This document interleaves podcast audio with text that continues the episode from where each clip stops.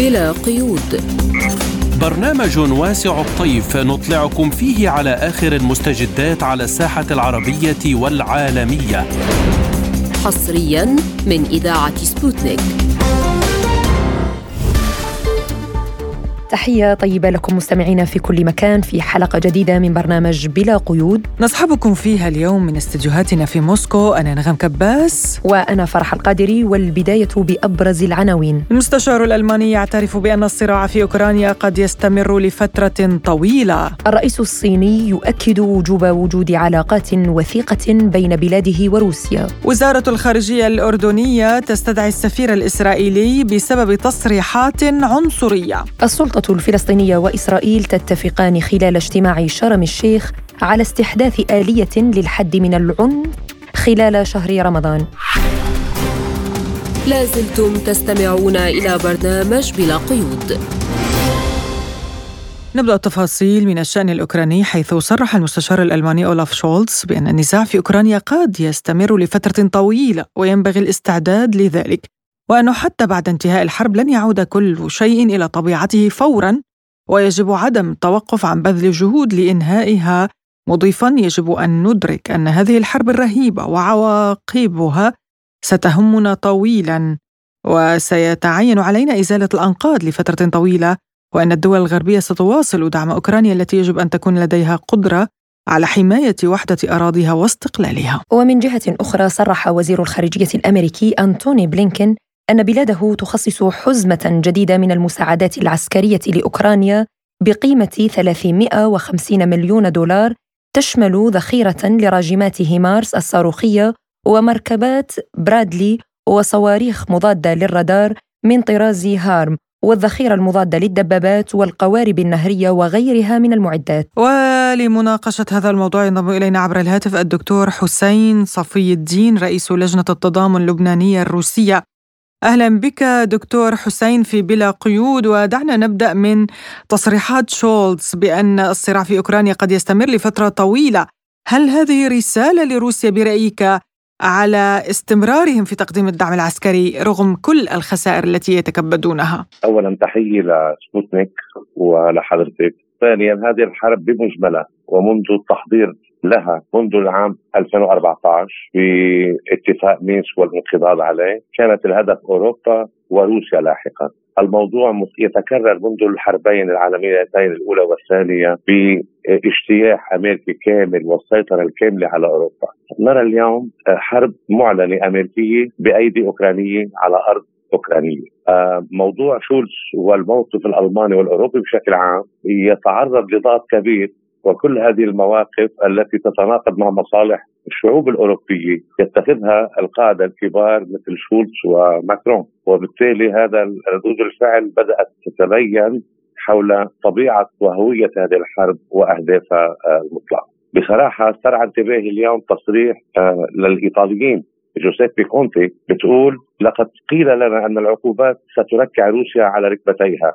ومن ثم فإن الدعم العسكري لأوكرانيا سيمهد الطريق لنا لتحقيق نصر حاسم الحقيقة هي أننا وجدنا أنفسنا خطوة بخطوة منجذبين إلى هذه الحرب وحكومتنا وأوروبا لا تبحثان عن استراتيجية بديلة لتحقيق السلام من خلال المفاوضات.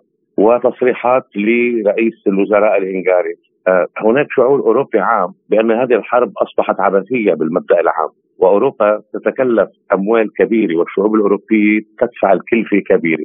والرهان على أن روسيا ممكن أن يحضر لها أفغانستان جديده أو فيتنام جديده أصبحت من الماضي. يعني منذ بداية العملية العسكرية الروسية تبين بالملموس صمود الاقتصاد الروسي وصمود الجيش الروسي بغض النظر عن بعض الصعوبات الهائلة. لأن الجيش الأوكراني والدعم هذا العالمي من ما يقارب الخمسين دولة بالعالم. دكتور حسين يعني أربع دول حددتها الخارجية الروسية وهي واشنطن ولندن وباريس وبرلين وقالت بأنها لا يمكنها لعب دور الوسيط في التسوية الأوكرانية.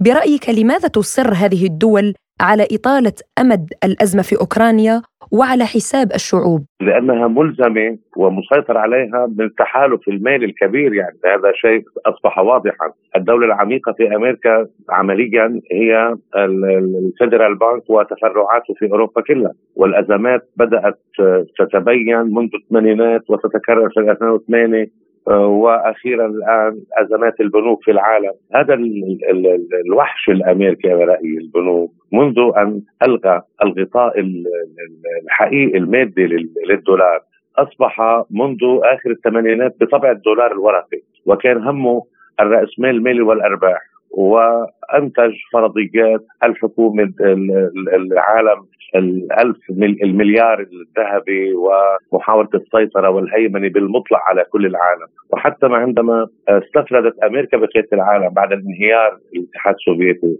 لم تبدي أي محاولة لإنقاذ هذا العالم. وأثبتت أنها ليس فقط عاجزة عن الإدارة وإنما لا تريد ذلك وإنما تريد السيطرة والهيمنة من أجل مكاسب معينة وإهانة الشعوب وقضاياهم في كل العالم. بهالمنحى المبادرة الصينية التي طرحت رفضت من الأمريكيين مباشرة رغم كل من بلينكن له تصريحات جدية. وكأنهم يطلبون من الصين أن تحاول استخدام علاقتها بروسيا لفرض سلام ما ليس لصالح روسيا. وهذا باعتقادي من المستحيلات الآن بواقع روسيا المتقدم جدا. على مستوى السياسة العالمية وعلاقتها بالبلدان الأخرى وآخرها القمة الأفريقية التي عقدت في موسكو والتضامن الروسي مع هذه البلدان الذين أصبحوا يشعرون بأن انتفاضة روسيا إذا صح التعبير الآن ستكون سندا لهم في أن يتخذوا مواقف معادية أكثر وضوحا لهذه القوى الكولونيالية التي تهين شعوب وتسرق خيراتهم وتعيد فساد في انظمتهم. بما أنك يعني ذكرت الأزمة الاقتصادية الداخلية الأمريكية هل ستؤثر هذه الأزمة على استمرار الدعم العسكري الأمريكي لأوكرانيا في المرحلة المقبلة برأيك؟ آه، بالحقيقة الأزمة الاقتصادية الداخلية آه، استطاعت الآن آه، الولايات المتحدة الأمريكية أن تنقذ نفسها على حساب أوروبا عندما يبيعون الغاز المسيل بما يزيد عن 1900 دولار في الوقت الذي كان خط الستريم الروسي الغاز كان يشتري 300 دولار بسعر 1000 لتر فبالتالي هذه آه، آه، ثروات هائله تتراكم الآن تتفرد آه، أمريكا بالبيع الغاز والوقود والنفط لأوروبا. عم تعوض من خسائرها. ولكن الأزمة الداخلية لها وجه آخر تماما داخلي أمريكي. وهذا ما أشرنا إليه بعدة مقالات. الصراع بين الراسمال المالي والراسمال الصناعي وبين نهجين في السياسة الخارجية الأمريكية. الآن أصبح أكثر حدة وعلى أبواب الانتخابات الرئاسية الأمريكية. باتجاهين، الاتجاه الأول الاقتصاد الأمريكي الصناعي يشعر بأنه تراجع لأنه بعد سياسات الرأسمالية بقيام مصانع ملتي ناسيونال متعددة الجنسية في كل بلدان العالم. استنهاض الصين من السبعينات الذين حاولوا استخدام نهوض الصين الاقتصادي ضد الاتحاد السوفيتي في ذلك الحين في ظروف الحرب الباردة. وانتقلت آسيا لتكون مصانع أمريكا كلها مركزة هناك. كانت على حساب نمو وتطوير الصناعات الداخلية الأمريكية. الأمم المتحدة دعت إلى وقف إطلاق النار في أوكرانيا. برأيك هل يمكن لهذه المنظمة الدولية أن تفرض رؤيتها للحل في أوكرانيا؟ المؤسف أن المؤسسات الدولية كلها تحت السيطرة الأمريكية الغربية وهي تتعرض لضغط دائم وتدار منها. أكبر دليل على ذلك محكمة العدل الدولي الجنايات الدوليه التي أصدرت قرار وكأن العالم كله ليس هناك جرائم حرب ارتكبت من العراق إلى ليبيا إلى اليمن إلى كل هذه البلدان. فبالتالي وهذه هي نفسها هذه المحكمة التي أعطت إعفاء للجنود الأمريكيين قبل غزو العراق. بأنه لن يتعرضوا لأي محاسبة جنائية مهما فعلوا من جرائم في هذه البلدان. تعطي موافقة سابقة لغزو ما لبلد آخر. فبالتالي هذه المؤسسة الدولية تدريجيا تفقد أهميتها وتفقد دورها لصالح السياسة الأمريكية والسياسة الغربية النيوكولونيالية اللي دارجة الآن. فلا لا أتوقع أن يكون لهذه المؤسسة دور في إنهاء الصراع في بأوكرانيا. الحرب الأوكرانية التي يعني تنتظر نتائج جدية ليس من الأمم المتحدة وغيرها وإنما من الميدان عمليا، الميدان العسكري والميدان الاقتصادي الذي لا زال حتى اليوم قادر على المواجهة بفعالية ويمكن أن يؤدي إلى خطوات أكثر تقدما في تحقيق انتصارات على الأرض عم تصير عمليا وبصمود الاقتصادي أكثر وتطويره. دكتور حسين صفي الدين رئيس لجنة التضامن اللبنانية الروسيه كنت معنا عبر الهاتف من بيروت، شكرا لك دكتور على هذه المداخلة. لازلتم تستمعون إلى برنامج بلا قيود نواصل في الشأن الروسي حيث أعرب الرئيس الصيني شي جي بينغ في أول رحلة له إلى الخارج بعد إعادة انتخابه رئيسا للدولة لولاية ثالثة بعد وصوله للعاصمة موسكو عن خالص تحياته وأطيب تمنياته لروسيا حكومة وشعبا معربا عن استعداد بلاده للوقوف بجانب روسيا لحماية القانون الدولي داعيا الرئيس الروسي فلاديمير بوتين لزيارة بلاده هذا العام. بدوره أكد الرئيس الروسي فلاديمير بوتين أن الصين حققت في السنوات الأخيرة قفزة هائلة إلى الأمام في تنميتها وهذا أمر له اهتمام حقيقي في جميع أنحاء العالم. وأنه تم اتخاذ خطوات مهمة في تطوير العلاقات بين روسيا والصين على مدى السنوات العشر الماضية حيث تضاعف حجم التجارة بين البلدين إلى 185 مليار دولار. حول أهمية هذه الزيارة قال ميخائيل غارينوي رئيس مجلس رجال الأعمال الروس بشمال الصين لسبوتنيك обменялись наш президент и председатель, соответственно, публикациями в СМИ. وعشية الزيارة تبادل الرئيس الروسي ورئيس الوزراء الصيني المنشورات في وسائل الإعلام لم يكن مجرد تبادل للمجاملات بل مناقشة ما يمكن توقعه من الاجتماع لأن كل من روسيا والصين تدافعان دائما عن الشفافية المنسجمة بحيث يكون تسلسل الإجراءات مرئيا دائما من المهم جدا أن نفهم أنه بالنسبة للصين ربما تكون روسيا الدولة الوحيدة في العالم التي تفعل ما تقول.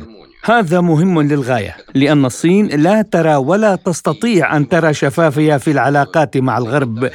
بالإضافة إلى ذلك فإن روسيا هي الضامن للتنمية الاقتصادية للصين. من جانبه قال جون كيربي منسق الاتصالات الاستراتيجية في مجلس الأمن القومي بالبيت الأبيض إن الولايات المتحدة تعتبر أي دعوات لهدنة في أوكرانيا غير مقبولة بعد اجتماع بين الرئيس الصيني شين جين بينغ والرئيس الروسي فلاديمير بوتين. وحول هذا الموضوع قال المحلل السياسي أليكسي تشادايف لسبوتنيك происходит утрата США позиции глобального лидера. تفقد الولايات المتحدة مكانتها كزعيم عالمي وهذه العبارة لكيربي جاءت في صيغة هستيرية إنهم يفهمون أنهم فقدوا مواقعهم فهم الآن ليسوا حكما ولا مهيمنا بل أحد الأطراف والتحالف بالنسبة لروسيا والصين الذي يتم عرضه اليوم في موسكو. هذا هو الكابوس الذي حذر منه قبل نصف قرن مضى وزير الخارجية الأمريكي الأسبق هنري كيسنجر. الدبلوماسية المكوكية الأمريكية هي تلك القصة القديمة عندما تفاوض القادة الأمريكيون مع الصين لتقسيم المعسكر الاشتراكي. كانت موجهة أيضا ضد هذا التهديد. والآن اتضح أن هذا التهديد قد أصبح حقيقة ومن المثير للاهتمام أن كيسنجر عاش حتى أصبح ما حذر منه حقيقة واقعية إذ قال التحالف بين موسكو وبكين هو مركز بديل قوي للسلطة. هذا مثل الموت بالنسبة للولايات المتحدة. إذا تبين فجأة أن مركزا بديلا للقوة أصبح حقيقة واقعة. لذلك لم يتبقى أمامهم سوى طريق واحد هو التأكد من أن التحالف الغربي بالقوة يثبت احتكاره لتقرير قواعد النظام العالمي. وفي هذا السياق يجب فهم بيان كيربي. ولمناقشة هذا الموضوع أكثر ينضم إلينا عبر الهاتف الخبير بالشؤون الصينية والشرق أوسطية الدكتور أحمد مصطفى. أهلا وسهلا بك دكتور أحمد. يعني نبدأ من هذه الزيارة التي تعتبر الأولى للرئيس الصيني بعد انتخابه لولاية ثالثة. كيف تقرؤون هذه الخطوة الصينية في ظل هذه الظروف؟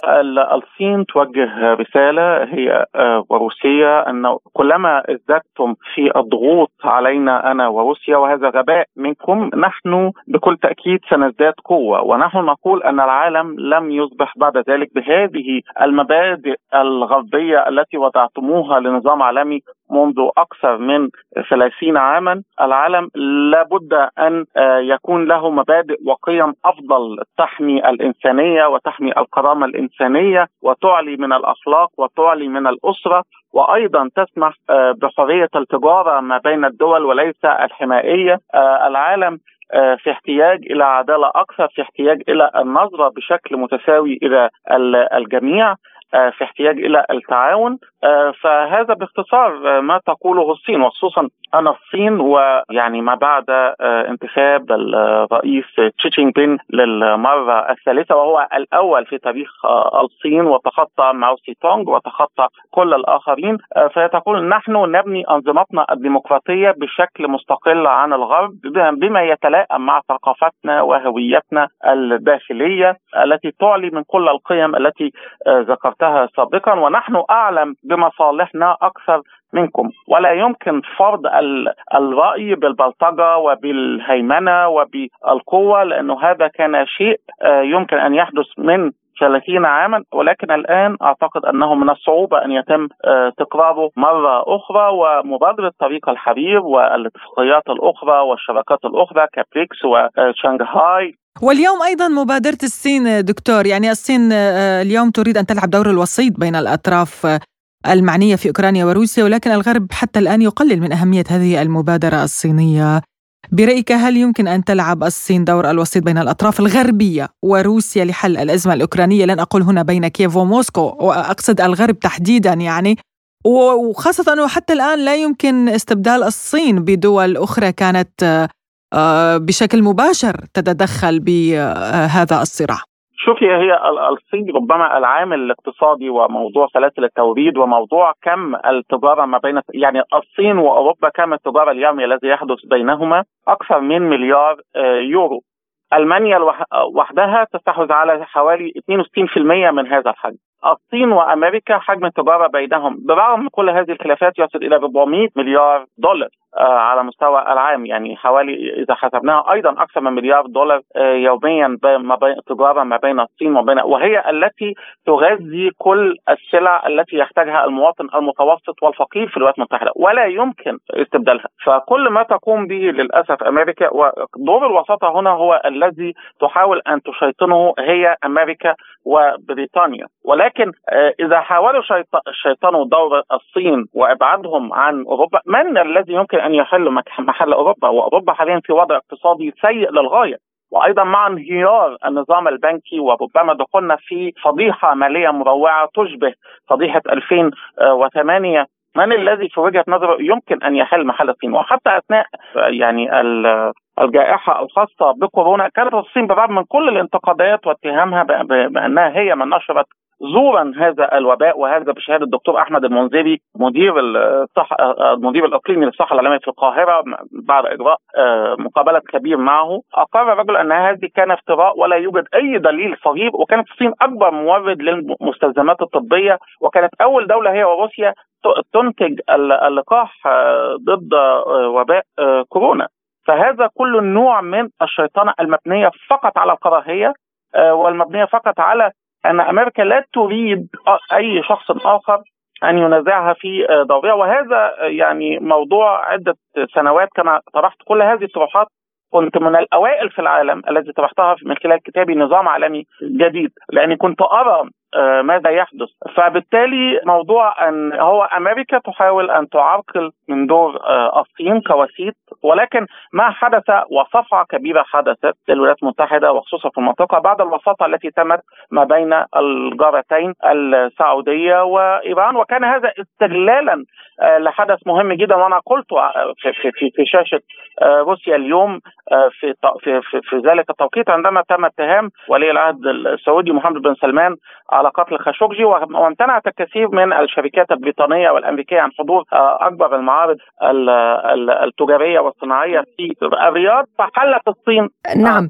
أشرت إلى أن أمريكا ترفض التعددية وتصر على الهيمنة الأحادية الجانب واليوم انهيار النظام البنكي ودخول الدول الأوروبية تحديدا في أزمة اقتصادية خانقة.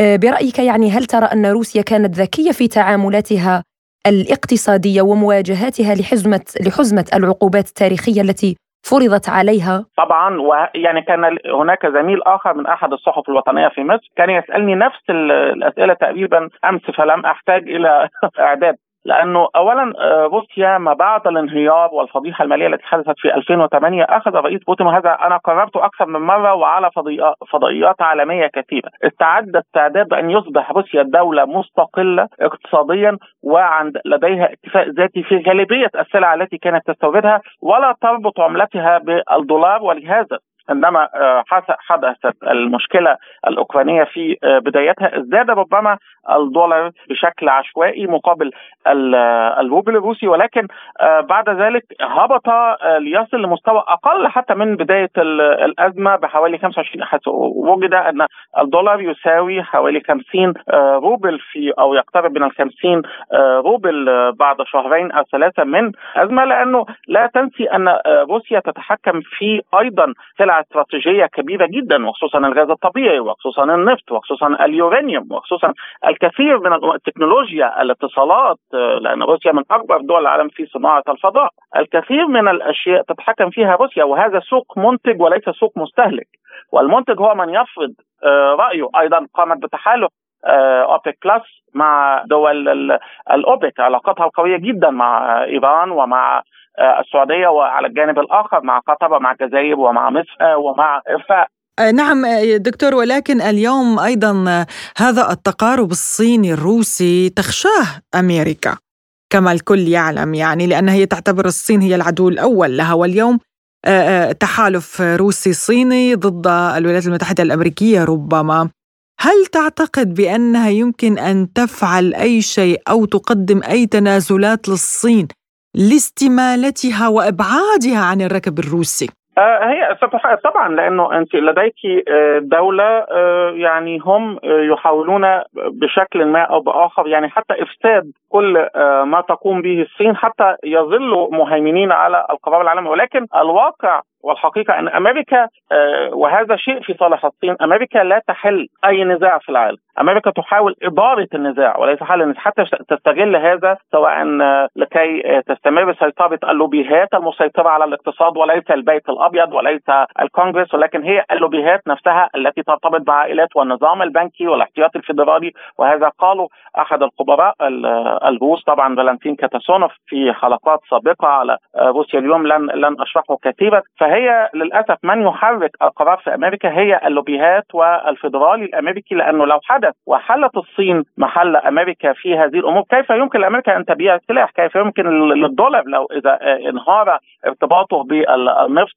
والذي بني منذ مؤتمر جامايكا في عام 75 وتم تقييم النفط بالدولار وهذا الذي يخلق قيمة أصلا للدولار. آه، كيف يمكن لامريكا أن تبيع سلاح في النزاع؟ وخصوصا مثلا أنك تجدي أن الدول الأفريقية نفسها باتت لا تصف الدول الأوروبية وفي أمريكا لأنها للأسف إلى يعني حتى اتفاقية الحبوب التي آه، صيغت منذ عدة أيام وبشهادة جوتيريش نفسه وقبله شهادة الرئيس بوتين لم تصل الحبوب إلى الدول المستحقة والدول الفقيرة والاكثر بل وصلت إلى أوروبا وأمريكا بنسبة تزيد عن 80% من الاتفاقية عكس ما هو متوقع. يعني في كل هذه الأمور آه، مجتمعة لا تعطي آه، أمريكا مصداقية في العالم لأن أمريكا كان من المفترض. لذلك روسيا اليوم آه، دكتور يعني لذلك روسيا اليوم تحاول إعفاء الدول الإفريقية من ديونها وأيضا إرسال الحبوب لها مجانا ربما. قالت بأنها إن لن تمدد الصفقة سترسلها إلى الدول النامية بشكل مجاني. أه نعم يعني نشكرك المحلل السياسي والخبير بالشؤون الصينية والشرق أوسطية الدكتور أحمد مصطفى على هذه المداخلة. كنت معنا من القاهرة. شكرا جزيلا وأنا ممتن آه، لكم وكل عام والمرأة والأم في عالمنا العربي وفي العالم كله بكل خير وسلام آه، على الجميع. شكرا لك ونحن أيضا نضم صوتنا لصوتك بالتأكيد. كل عام وأمهاتنا العربيات بألف خير وأدام الله عليهم الصحة والسلامة يا رب. يا رب. لازلتم تستمعون إلى برنامج بلا قيود. وإلى الأردن حيث أعلنت وزارة الخارجية استدعاء السفير الإسرائيلي في عمان على خلفية ما وصفتها بالتصريحات العنصرية لوزير المالية الإسرائيلي بتسلائيل سموتريتش. واستخدامه خريطة لإسرائيل تضم حدود المملكة الأردنية الهاشمية والأراضي الفلسطينية المحتلة. وأبلغت الوزارة السفير الإسرائيلي أن ذلك يمثل تصرفا عنصريا متطرفا وخرقا للأعراف الدولية ومعاهدة السلام. ولمناقشة هذا الموضوع ينضم إلينا عبر الهاتف من الأردن المحلل السياسي إيميل خوري. أهلا وسهلا بك أستاذ إيميل في بلا قيود ونبدأ من استدعاء السفير الإسرائيلي في الأردن هل برأيك هو شكلي أو يمكن أن يؤثر على الاحتلال بطريقة أو بأخرى ويحد من ممارساته وتصريحاته العنصرية؟ الحقيقة أنه يعني أقل شيء كان ممكن أنه تكون في الحكومة الأردنية هو هذا الإجراء لأنه يعني ما فعله وزير المالية الصهيوني في فرنسا في باريس يعني شيء لا لا يمكن أن يدافع عنه. حتى الإسرائيليين الصهاينة طالما نفوا هذا وطالما كانوا يقولون ويدعون أنهم محل الدولتين أو مع حكم ذاتي فلسطيني فلسطيني أو كذا ولكن لم يستطيعوا بشكل واضح ومن جهة رسمية ان أن يصرحوا بهذا.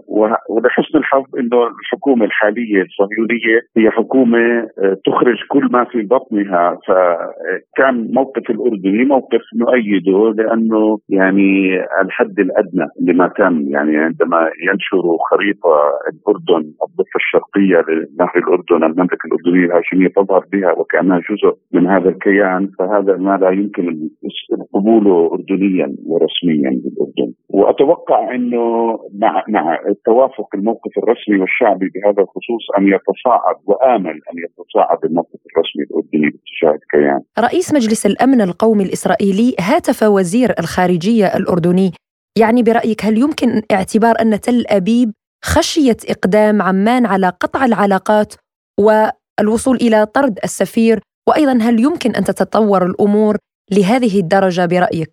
آمل ذلك يعني هو هو نشر هذه الخريطة أو وضعها على البوديوم اللي كان يتكلم منه بعد يوم أو يومين من قمة شرم الشيخ التي أتت لتهدئه ما يسمونه بالعنف وتهدئة متبادلة. وطبعا هي مقاومة وبرأيي ما كان لازم أي طرف عربي يكون بهكذا مؤتمر لكنها جاءت كالصفعة بوجهنا. يعني يعني أنت تقول بمؤتمر شرم الشيخ أنك آه، تبارك الرعاية والوصاية الأردنية الهاشمية على القدس ثم تنشر خريطة يعني بالتأكيد سيحاولوا أن يخففوا من رد فعل الأردن باتجاههم. ولكن آمل أنه أن نعيد التفكير استراتيجيا داخل الأردن في المؤسسات الرسمية لأن من الواضح أن هذه هذا هو الفكر الصهيوني الحقيقي. الفكر الصهيوني الحقيقي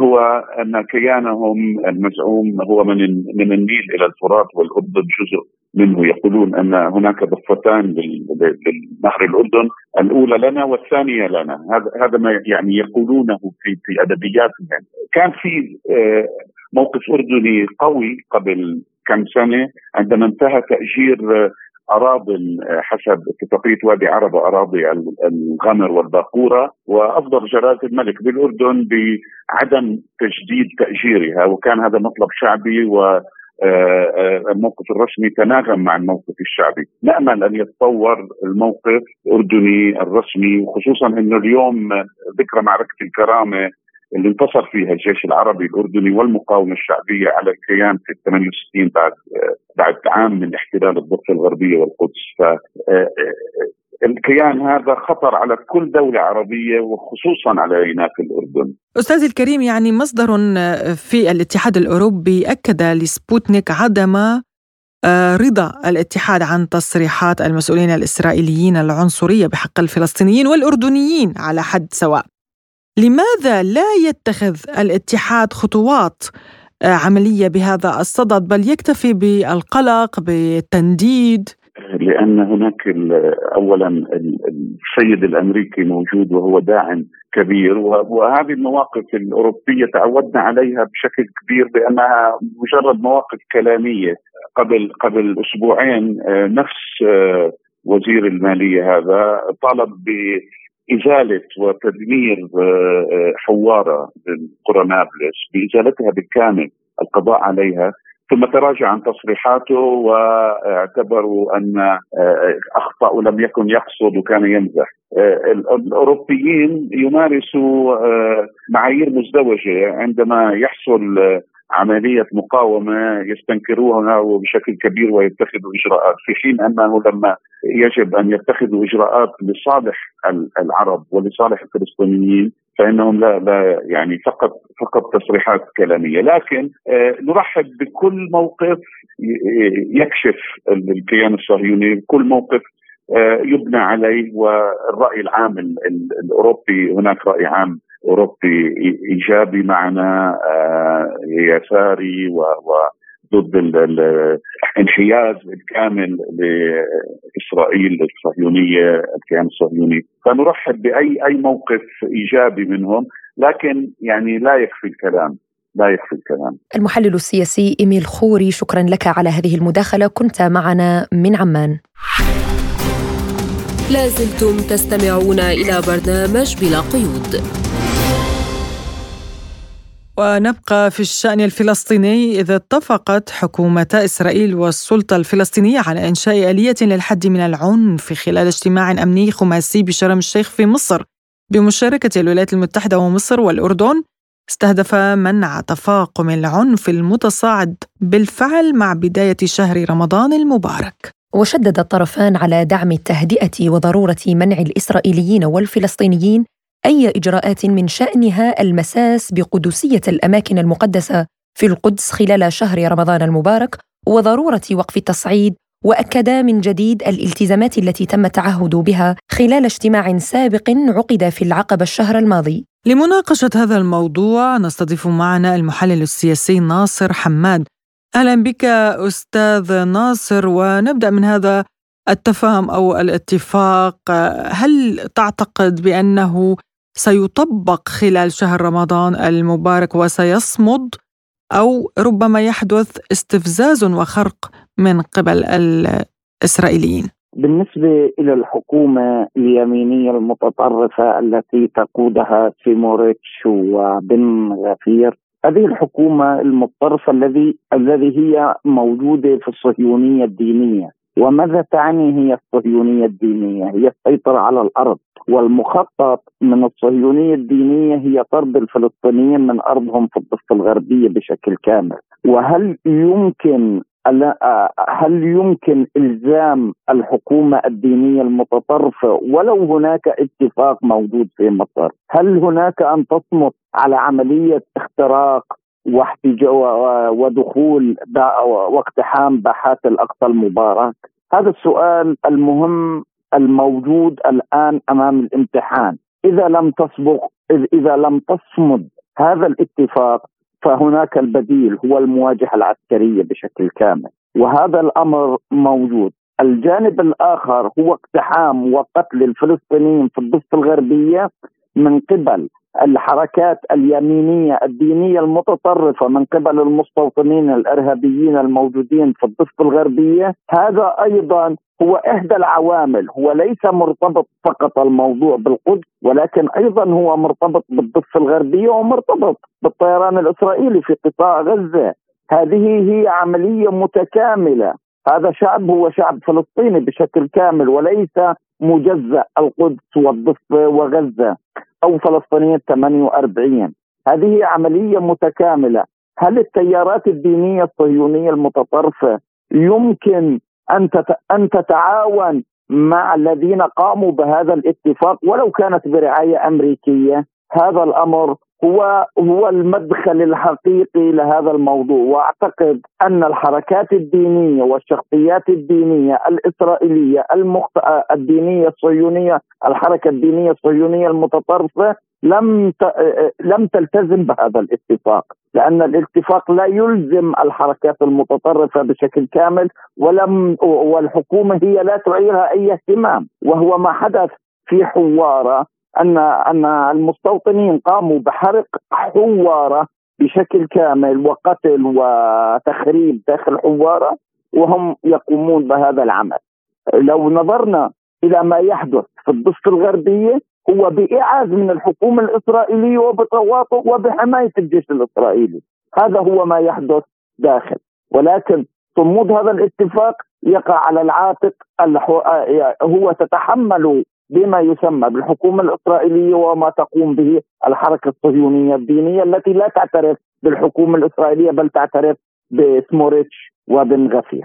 يعني نعم كما ذكرت حضرتك ربما لن تلتزم إسرائيل بهذا الاتفاق.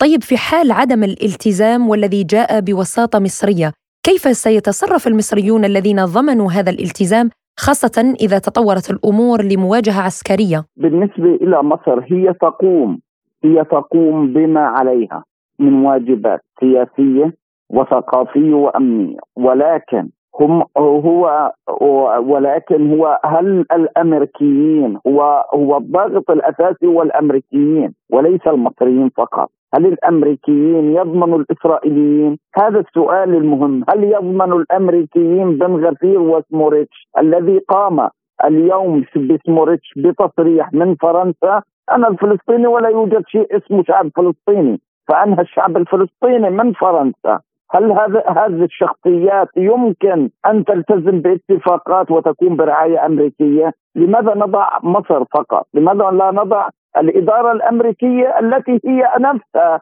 لم تلتزم عبر اتفاقات سلام سابقه؟ ولكن هنا يعني لماذا هذا التواطؤ الأمريكي برايك خاصة وأن الإعلام يروج على أن بايدن ونتنياهو ليسا على وفاق؟ يعني ربما هي فقط دعاية إعلامية برأيك أو أن الولايات المتحدة ما زالت تدعم إسرائيل؟ ولكن حينما قاموا بعملية الاتفاق بشكل كامل آه، بالأحداث في حوارة الولايات المتحدة وتم عرض قرار في مجلس الأمن الدولي. قامت الولايات المتحدة هي بالتهديد والتلويح لاستخدام حق النقد الفيتو لهذا القرار ويريدون على أساس أن قرار من الأمم المتحدة يكون قرار توافقي. هذا الموضوع هو كان موجود على السلم.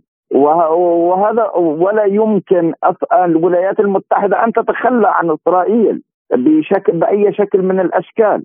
لأنها هي لها دور وظيفي في المنطقة في الأساس فكيف تتخلى إذا وجدت حكومة اليوم متطرفة ممكن أن توجد حكومة أخرى في سنوات أخرى إنها قريبة من قرارات الولايات المتحدة الأمريكية. نعود إلى تصريح وزير المالية الإسرائيلي الذي قال أن الشعب الفلسطيني اختراع لم يتجاوز عمره 100 عام، كيف يمكن أن نفسر هذا التزوير التاريخي؟ سموريتش هو من الحركة الصهيونية الدينية والذي هو موجود كان من سكان شمال فلسطين. والحركة الصهيونية الدينية هي لا تعترف بالوجود الفلسطيني بالأساس. والحركة الصهيونية هي تريد وهي تستخدم سياسة الترانسفير ضد العرب والقتل وشعارهم هو القتل للعرب. وتصريحاته المريبة قبل فترة على عملية حرق حوارة بشكل كامل. وهذا وهذه دعوته الصريحة كانت ولقت إدانات كبيرة. ولكن العالم يتعامل ويستقبل بين أحضانه سمورتش هذا النفاق السياسي العالمي اتجاه إسرائيل بشكل كبير جدا. وهذه التصريحات التي هي مدانة فلسطينيا وعربيا ودوليا ونحن كشعب فلسطيني ندين هذه التصريحات التي تنفي وجود الشعب الفلسطيني الذي يوجد عدده 14 مليون فلسطيني موجودين ومنتشرين سواء في فلسطين التاريخية أو في أو في الشتات. وفي تاريخ والنكبة الفلسطينية التي هي كانت في 15 5 ال 48 وتهجير سكان فلسطين من الأرض. هو نفي هو نفي الفلسطينيين عن تاريخهم وحضارتهم وثقافتهم ودينهم الذي هو يقوم بعملية التزوير التاريخي للأرض والشعب الفلسطيني بشكل كامل هذه المشكلة هي موجودة عند سموريتش والحركات الدينية المتطرفة التي تنفي أيضا ليس وجود الفلسطيني وأيضا العربي بشكل كامل والمحيط العربي بشكل كامل. المحلل السياسي ناصر حماد كنت معنا عبر الهاتف من فلسطين شكرا جزيلا لك. لازلتم تستمعون إلى برنامج بلا قيود. ومن السياسة إلى الاقتصاد حيث قال وزير النفط الإيراني جواد عودجي لوكالة سبوتنيك إنه بعد توقيع اتفاقية سلام مع المملكة العربية السعودية تخطط طهران لتطوير حقول مشتركة في الخليج العربي باستثمارات من الرياض حول هذا الموضوع قال الخبير النفطي الدكتور محمد الصيادلي بلا قيود. السوق السوق النفط رجراج يعني مش مستقر يعني يعني تعرفين في السوق يسمونه بيجش أو أو بولش لا؟ الآن أنا أعتقد إن السوق السوق حتى بالنسبة للنفط يعني هو يعني يميل أكثر ميلا إلى انه يكون بيجت يعني تعرفي ال bearish اللي هو نزولي. أخبار الاقتصاد العالمي لا تسر. يعني كأن سيناريو 2007 لما انهار بنك بيرز ومهد الطريق إلى ليمان برادرز زين يعني سوى igniter حق الأزمة. الآن نفس الشيء اللي هو بنك آه، شو اسمه ال Silicon Valley Bank. هذه هذه مال اللي يمول مشاريع الابتكار ومشاريع ال startups يعني يسمونه. زين بعدين على طول هم, هم الأمريكان قالوا إحنا ما بنساعده كحكومة يعني ما بنساعده خليه يفلس. بعدين لما شافوا ان انتقلت العدوى إلى Signature بعدين Republic صار في اجتماع الطوابير على سحب الأموال والمكاين ما فيها. الماشينز ما فيها خلصت فلوس ففي اضطروا يجتمعون الرئيس الفيدرالي المجلس مع مع وزيرة الخزانة هيلين مع رئيس الهيئة الفيدرالية لتعوي لتأمين لتأمين الودائع. أنا أريد اقصد إن الاقتصاد العالمي لا يخدم سوق النفط بالإضافة إلى أن الاقتصاد الصيني اللي هو أكبر مستهلك للطاقة في العالم وأكبر مستهلك الآن للنفط بعد زين؟ خارج الآن من كوفيد من الآن تو الصين يعني تخرج من كوفيد فعملت نوع من من الانتعاش للطلب. ولكن الطلب الطلب بسبب بسبب تاسيس العلاقات الدولية هم أكثر قاعدين يشترون النفط الروسي. يعني وحتى الغاز. روسيا تخطت تخطت الزباين الصين الأساسيين قطر والمزودين الرئيسيين للصين. ففي انتعاش في انتعاش بسيط في, في على الطلب على النفط بسبب بسبب خروج الصين من من ال lockdown ولكن الاقتصاد العالمي وجهت له ضربة خطيرة. يعني الوضع أنا أقول لك إن الوضع خطير في الولايات المتحدة. يعني القطاع المالي هي دائما تبلش الأزمة بوين في القطاع المالي؟ بسبب ارتباطاته وفساد الإدارة فساد فساد إدارة الأموال. يعني دائما ال liabilities الخصوم تزيد على هذا بالضبط ما حصل للثلاث بنوك. بالضبط نفس ما حصل لبنك بير ستيرنز في سنة 2007 زين؟ و و وما حصل أيضا إلى كريدي سويس في في سويسرا نعم. واللي الآن سويسرا تواجه تهديد تهديد تهديد من بريطانيا ومن أمريكا انقذوا بأي ثمن لا يصير مثل آه، قطع الدومينو يوصل إلى مركز لندن المالي العدوى okay؟ فالوضع الاقتصادي كلش ما يخدم القطاع النفطي ولكن لحسن الحظ لحسن الحظ كان في لاعبين اثنين هم اللي ماسكين سوق النفط. روسيا ماسكة عشر دول من ضمنهم البحرين، البحرين تدري إن البحرين في أوبك يعني الآن تليفون بس بالتنسيق قبل الاجتماع ب 24 ساعة بوتين مع سمو الأمير محمد بن سلمان ويتفقوا على ففي اتفاق ممتاز حصل مؤخرا بتمديد الخفض هاي ال 2 مليون إلى حتى نهاية العام which is very very good. لازلتم تستمعون إلى برنامج بلا قيود.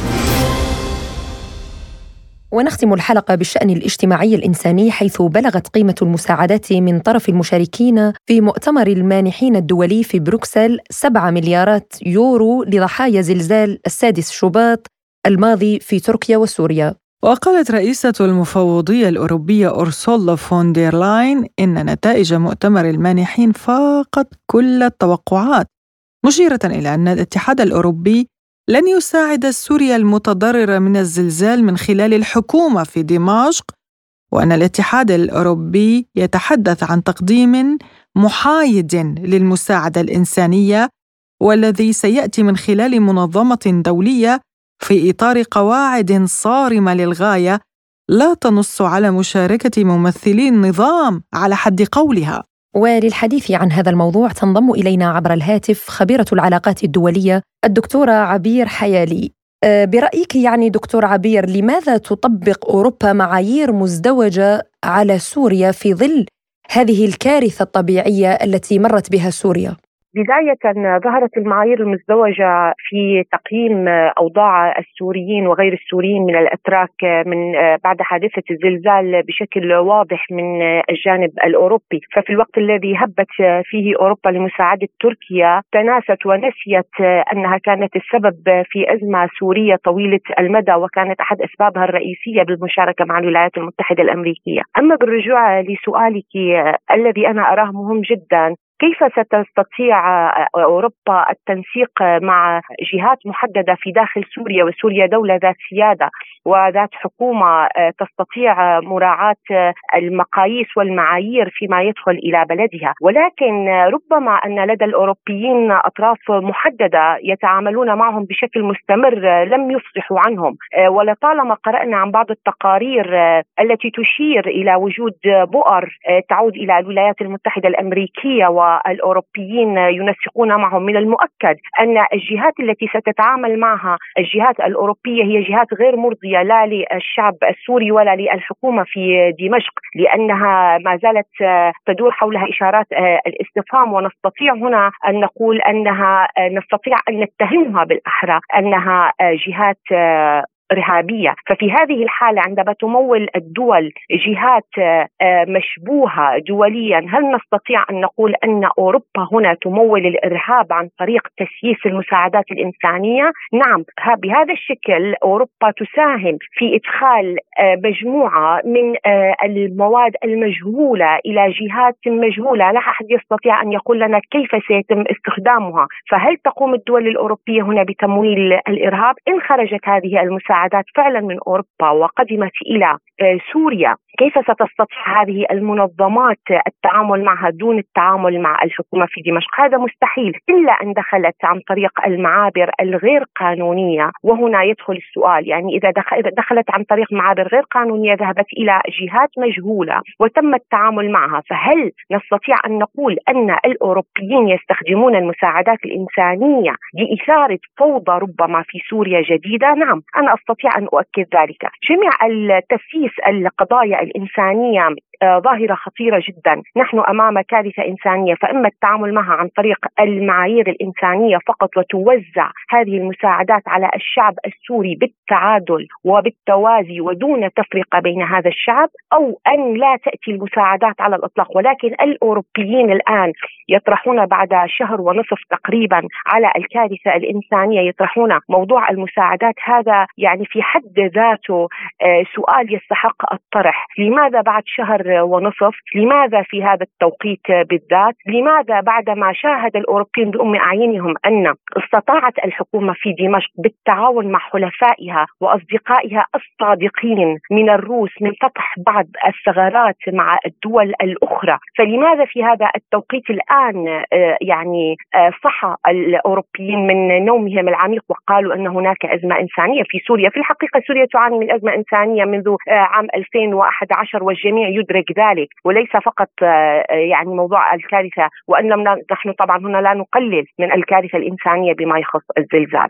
طيب دكتورة يعني هل قرار عدم التعاون مع الحكومة في دمشق ومع الرئيس الأسد بشكل شخصي مرتبط بزيارته الأخيرة إلى موسكو والإمارات يعني فشل ربما رأته دول الاتحاد الأوروبي لسياساتها والعقوبات التي فرضتها على سوريا؟ من المؤكد أن الأوروبيين الآن يستشعرون وكذلك الولايات المتحدة الأمريكية أنهم لم يعودوا أصحاب القرار الوحيدين، عندما استطاعت موسكو على سبيل المثال فتح آه، ملف التعاون وفتح ملفات تصفية نستطيع أن نسميها نعم التصفية آه، السياسية والاقتصادية والإنسانية بين سوريا وتركيا. فمن المؤكد أن الأوروبيين يشعرون حالة عدم الرضا، لم يعودوا هم بالتعاون مع الولايات الولايات المتحدة الأمريكية أصحاب القرار فيما يخص من كيف ويمكن مساعدة الدول وكيف طريقة حصار الدول. الزيارة التي قام بها سيادة الرئيس بشار الأسد إلى موسكو كانت غاية في الأهمية. تشير إلى أن العالم أحادي القطب ينهار تماما، تشير إلى أن هناك بزوغ حقيقي وبداية حقيقية لعالم متعدد الأقطاب يدور في الأفق ولكن ينتظر نهاية تشكيله، لذلك الأوروبيين يريدون أن يعيدون بالتعاون مع الولايات المتحدة الأمريكية أننا ما زلنا موجودين وما زلنا نستطيع أن نحاصر الدول ونستطيع أن نضع شروطنا في التعامل مع الدول حسب رؤيتهم طبعا، طبعا رؤيتهم تشير إلى تغيير أنظمة الدول حسب معاييرهم هم، حسب مصالحهم هم، هذا ما وقفت روسيا وأوقفته في الأزمة السورية وقالت لا نستطيع تغيير الأنظمة في الدول حسب ما يريده الغرب فقط، الآن هناك نظام عالمي جديد يتشكل، سوريا جزء من هذا النظام العالمي، سوريا جزء مع أصدقائها وحلفائها آه، في هذا آه، التغيير. ولذلك هم يريدون أن يقولون ولو نظريا نحن ما زلنا أصحاب قرار بشكل أو بآخر على هذه الدول ونستطيع محاصرتها. ولكن أنا من وجهة نظري هذا كله غير مهم على الإطلاق لأن استطاعت فعلا آه، سوريا استطاع سيادة الرئيس بشار الأسد بخروجه في زيارة مهمة جدا إلى موسكو وكذلك الولايات المتحدة الأمريكية. الإشارة في هذه الزيارات إلى أن لدينا الآن مجموعة من الأصدقاء الحقيقيين. نحن نستطيع التعاون معهم نحن نستطيع أن نكون جزء من النظام العالمي الجديد بتعاون سياسي واقتصادي. سوريا ستستغني في حال آه، آه، نجاح في فتح كل ما فتحت ثغره جديدة على سوريا كل ما فتحت يعني فتحة جديدة من التعاون السياسي والاقتصادي سيؤدي هذا إلى كسر آه، الأنظمة الأوروبية كسر قرارات الولايات المتحدة الأمريكية لأن هذه الدول ستستمر بالتعاون مع سوريا. كانت زيارة مهمة جدا جدا. إذا ما راقبنا الزيارة إلى موسكو وكذلك الولايات المتحدة الأمريكية لدى الدول الأخرى الرغبة في التعاون مع دمشق الرغبة في فتح ملف علاقات جديدة مثمرة مع الحكومة في دمشق وهذا غير مرضي للأوروبيين. فأنا أستطيع أن أؤكد على ما تفضلت به في سؤالك. طيب يعني ما الذي تحققه برأيك الدول الأوروبية مبدئيا بالتمييز بين المدنيين والمتضررين من الزلزال؟ ممن هم تحت سيطرة الدولة السورية؟ ومن خارج سيطرة الدولة يعني تمييز بين الشعب السوري. موضوع الإنسانية سأبدأ من الشق الأخير. موضوع الإنسانية هو موضوع يتشدقون به ولكن لا يتعاملون به. يستطيعون أن ينفذوه في دولهم ولكن يبتعدون عنهم في الدول التي يجعلونها هدف لمؤامراتهم. ولذلك إذا ما نظرنا إلى الوضع في سوريا على في الأرض آه، وعلى الأرض آه، لا يوجد تمييز. الحكومة السورية لا تميز بين أفراد الشعب السوري. الحكومة السورية تتعامل مع السوريين في سوية واحدة. كلكم سوريين ولكن كيف أنت تتعامل مع الوطن؟ يعني إذا أنت ترفع السلاح في وجه أخيك السوري ستحاسب كأنك مجرم. ولكن الأوروبيين لا يريدون هذا الكلام. آه، استمرار تغذية المجموعات المسلحة في سوريا يؤدي إلى آه، آه، استمرار وتطويل أمد الأزمة في سوريا. يعني على سبيل المثال أنا عندما أغذي هؤلاء هؤلاء هؤلاء المسلحون بشكل مستمر أنا أعطيهم طاقة مستمرة على التواصل التواجد على الأرض واصعب عملية التخلص منهم من قبل الحكومة آه، في دمشق ومحاسبتهم قانونا آه، ولذلك آه، استمرار إمدادهم يؤدي إلى استمرار الأزمة، الآن الأوروبيين بعد بعد الزلزال وبعد مشاهدتهم ومراقبتهم لرغبة بعض الدول في مساعدة سوريا ورفضها بشكل قاطع لاستمرار الحصار على سوريا، يريدون أن يجدون بعض الثغرات للدخول مرة أخرى على سوريا لإثارة الأزمات والفتن مرة أخرى، وليس لديهم سلاح أفضل من الفصائل المسلحة الموجودة الآن في بعض آه، آه، المدن السورية، استثمار هؤلاء، أنا أعتقد أن الولايات المتحدة الأمريكية وأوروبا ستذهب باتجاه تمويل هؤلاء لإثارة فتن جديدة في على الأراضي آه، السورية. ولذلك يعني أنا أنا أعتقد أن سيكون هناك رد واضح من قبل الحكومة في دمشق على هذه المساعدات وطريقة التعامل معها. آه، تغذية الفصائل المجهولة. يعني يمكن يأتي البعض ويقول لماذا سميتوهم إرهابيين ولماذا صنفتوهم مسلحين؟ الفصائل المجهولة لدى الحكومة في دمشق. حتى يعني نرضي جميع الأطراف هنا. يجب أن تكون المساعدات تقدم إلى الحكومات. هكذا تقاد الأمور بين الدول. هناك حكومة في دمشق وهناك دولة ذات سيادة تستطيع توزيع المساعدات على شعبها بالتساوي حسب المتضررين. والذي لا يريد أن يتعامل مع الحكومة في دمشق ربما ربما سيكون رد الحكومة في دمشق أننا لا نريد وإدخال المساعدات في هذه الحالة بعدم التنسيق مع الحكومة في دمشق وهو دخول غير قانوني يعني استخدام المعابر لتغذية هؤلاء لأن الحكومة هنا في دمشق لا تعرف ما هو الذي سيدخل إلى هؤلاء. هل سيدخلون السلاح تحت مسمى المساعدات الإنسانية؟ هل سيدخلوا لي فعلا أغراض اضافيه ألا يجب أن يكون هناك إشراف حكومي على ما يدخل على هذا الشعب؟ ما زالت هذه الأراضي سورية في يوم من الأيام ستحرر وسيخرج منها هؤلاء وسيخرج منها كل كل معتدي عليها سواء كان من الداخل سيحاسب كل سوري رفع السلاح في وجه أخيه السوري وحارب دولته. وكذلك ستخرج هذه الدول من هذه الأراضي. ولكن هذه الدول بمجملها الدول الأوروبية ما زالت مسلمة أنا أعتقد أن الرسالة التي خرجت هي ليست رسالة فقط إلى دمشق وإنما رسالة إلى روسيا بالدرجة الأولى. يعني بما معنى أن جميع ما تحاولون القيام به من إيجاد توازن في الأراضي السورية والخروج من الأزمة بشكل تدريجي وفتح علاقات دبلوماسية مع مع الدول سنفشله عن طريق تغذية أطراف محددة لنا في الداخل السوري. خبيرة العلاقات الدولية الدكتورة عبير حيالي كنت معنا عبر الهاتف من دمشق. شكرا لك على هذه المداخلة. يعني زميلتي نغم أنت ترين كيف أن الدول الأوروبية والغربية كيف تلعب في ظل هذه الأزمات الكارثية وتخلط المعايير الإنسانية مع حساباتهم ومصالحهم السياسية. هذا يعني هذا التصرف مع سوريا تحديدا في خلال 12 عاما من الحرب والأزمة في سوريا وبعدها الكارثة كارثة الزلزال كيف أنهم يعني يفرقون بين الشعب السوري بضخ مصالح واهية ويعني أنا برأيي وكيف رأيت الموقف الأوروبي من أزمة الكارثة كارثة يعني بعد شهر يا يا بعد شهر من استفاقوا. تقريبا استفاقوا بأن ما حدث في سوريا كان ظلما وان الشعب السوري لا يستحق. وبحاجة يعني لا يستحق ما حدث معه وهم بحاجة مساعدات إنسانية إغاثية من جراء الكارثة كارثة الزلزال ورغم ذلك هم لم يرسلوا اليوم المساعدات والسبع مليارات دولار يورو إلى سوريا إلى الحكومة السورية إلى البنك المركزي لا هل هو أبدا. تخوف منهم أه. بأنها لن تصل إلى